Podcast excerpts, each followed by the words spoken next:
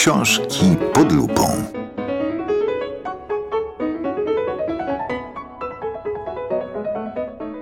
O świetle innych gwiazd rozmawiają Anna Wysocka i Katarzyna Staszczyk.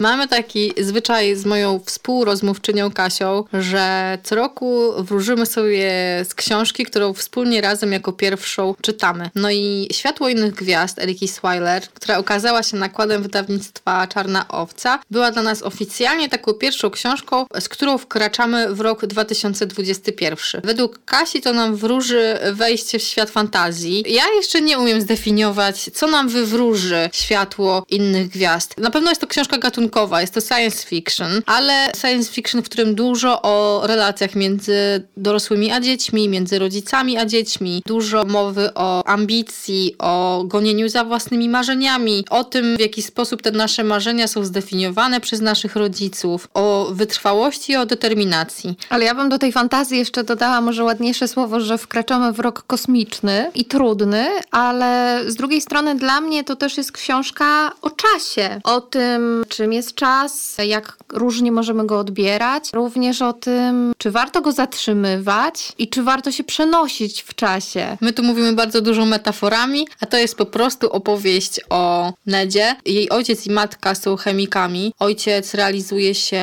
w pracy naukowej, akademickiej. Matka piecze chemiczne ciasta, a więc mamy tutaj taki właśnie wątek też feministyczny. I to jest opowieść widziana oczami 11-latki, ale również Nedy dorosłej kobiety, która już spełniła swoje marzenia, marzyła jako ta 11-latka o tym, by być astronautką.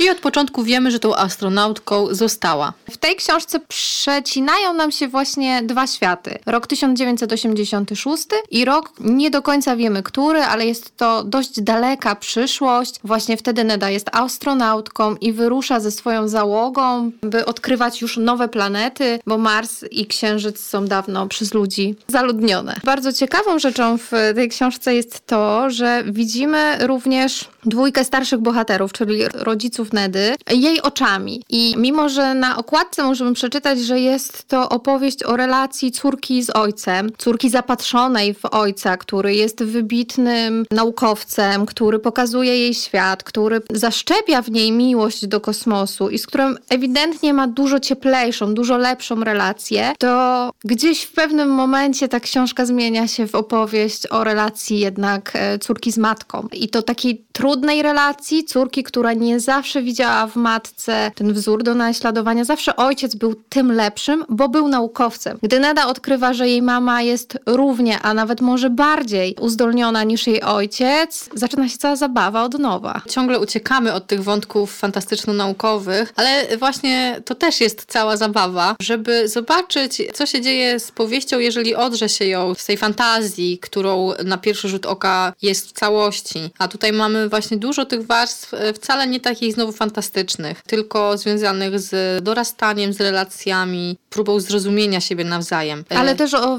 wielkiej przyjaźni i to jest może najfajniejsze, że przeczytałyśmy tę książkę wspólnie na początku tego roku, ponieważ Neda ma przyjaciela, który towarzyszy jej w poznawaniu świata, również w marzeniu i dążeniu do realizowania swoich planów, swoich ambicji. I mimo, że nie zawsze układa się kolorowo i z reguły nie układa się kolorowo wtedy, kiedy my sami już jako dorośli to psujemy, nawet w dobrych intencjach, to ta książka jest y, właśnie pełna nadziei i takiego uśmiechu, tego światła, które jest w tytule, dzięki tym relacjom właśnie miłości i przyjaźni. Chociaż zaczyna się od tragedii, a w zasadzie od dwóch największych tragedii, które się w życiu Ned przytrafiają. Pierwsza to taka, że ponieważ jest to jedenastolatką w roku 1986 na Florydzie, to jest y, naocznym świadkiem wypadku statku Challenger, którym ginie załoga tego statku. Jako dziewczynka zafascynowana kosmosem, która także utożsamia się z jedną z pierwszych astronautek amerykańskich, bardzo to przeżywa. Druga z tych tragedii jest taka, że w wyniku pracy jej ojca, który właśnie trochę utożsamia takiego szalonego naukowca, który co prawda z bardzo szlachetnych pobudek, ale jednak pragnie zmienić oblicze świata, skrzywdzony zostaje zostaje oddzielony jakąś taką bańką czasową. Jej przyjaciel właśnie nie ma już do niego dostępu. Te tragedie zdefiniują życie Nedy i właśnie sprawią, że będzie musiała rozpocząć tę zabawę, to znaczy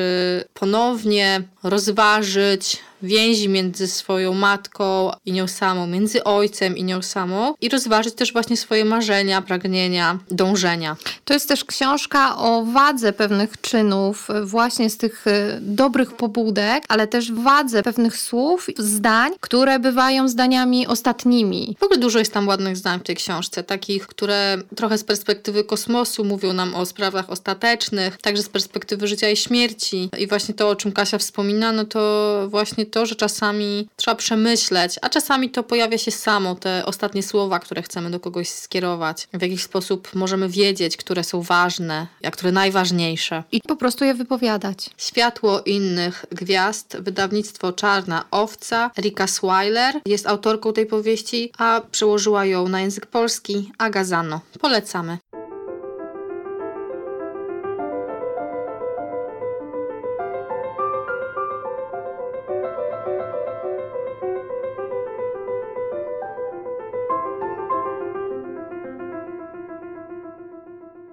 Gdy Nedda otworzyła oczy, zobaczyła holograficzne morskie fale, oblizujące brzeg z pikseli, udających połamane muszelki i odłamki szkła. Przekręciła się na bok twarzą do okna i czerni. Podczas pierwszych tygodni, gdy dopiero aklimatyzowała się na Międzynarodowej Stacji Kosmicznej, obserwowała Ziemię i czekała, aż poczuje nostalgię. Psychologowie upierali się, że tak będzie. Oglądanie ziemi z takiej odległości wywoływało tęsknotę za domem, maskowaną przez napady apatii lub niebezpieczną euforię, po której następowały gwałtowne spadki nastroju. Widziała, jak to działa na współtowarzyszy. Na temat tęsknoty za domem u astronautów napisano dziesiątki artykułów, ale Nedda nie zamierzała ich czytać. Porównywanie się do przypadków z badań naukowych wytrącało ją z równowagi. Przywykła do nostalgii już wcześniej, więc spoglądanie na Ziemię z przestrzeni kosmicznej jej nie wzruszało. Od domu nie dzieliła jej odległość. Jej domem były czas i ptasi śpiew. Przestrzeń kosmiczna była lepsza od oglądania się za siebie. Wyznała to dr Stein, psycholożce załogi, podczas jednej z obowiązkowych sesji wideo. Według Neddy psychologia i ginekologia były sobie pokrewne i w jednym i w drugim przypadku lekarz napatrzy się na nasze najintymniejsze miejsca więcej niż my sami. Co widzisz za oknem? pytała doktor Stein co tydzień. Nedda wiedziała, że psycholożka trzyma w dłoni rysik. Nigdy nie widziała go na ekranie, ale słyszała, jak przesuwa się po tablecie. Trudno było wyjaśnić, co widziała, a jeszcze trudniej przekazać znaczenie tego widoku. Przestrzeń między gwiazdami skłaniała do łatwego smutku i kontemplacji faktu, jak mali jesteśmy w obliczu wszechświata. Amit Singh wyglądał przez okna tylko, gdy było to absolutnie konieczne, choć był dowódcą misji. Wolał patrzeć na mapy gwiezdne, nagrania z teleskopów i dane z sond i terraferomerów. Trwał w postanowieniu, by postrzegać samego siebie jako osobę, a nie pojedynczą komórkę w organizmie rozmiarów kosmosu. Nedda lubiła czuć się mała.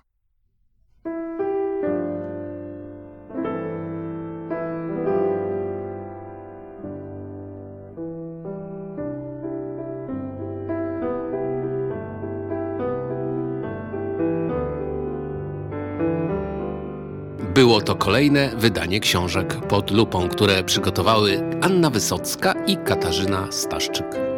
Realizacja Paweł Pękalski. Teksty literackie czytał Andrzej Ferenc. Opieka redakcyjna Marek Ławrynowicz. W audycji wykorzystano muzykę Erika Satie.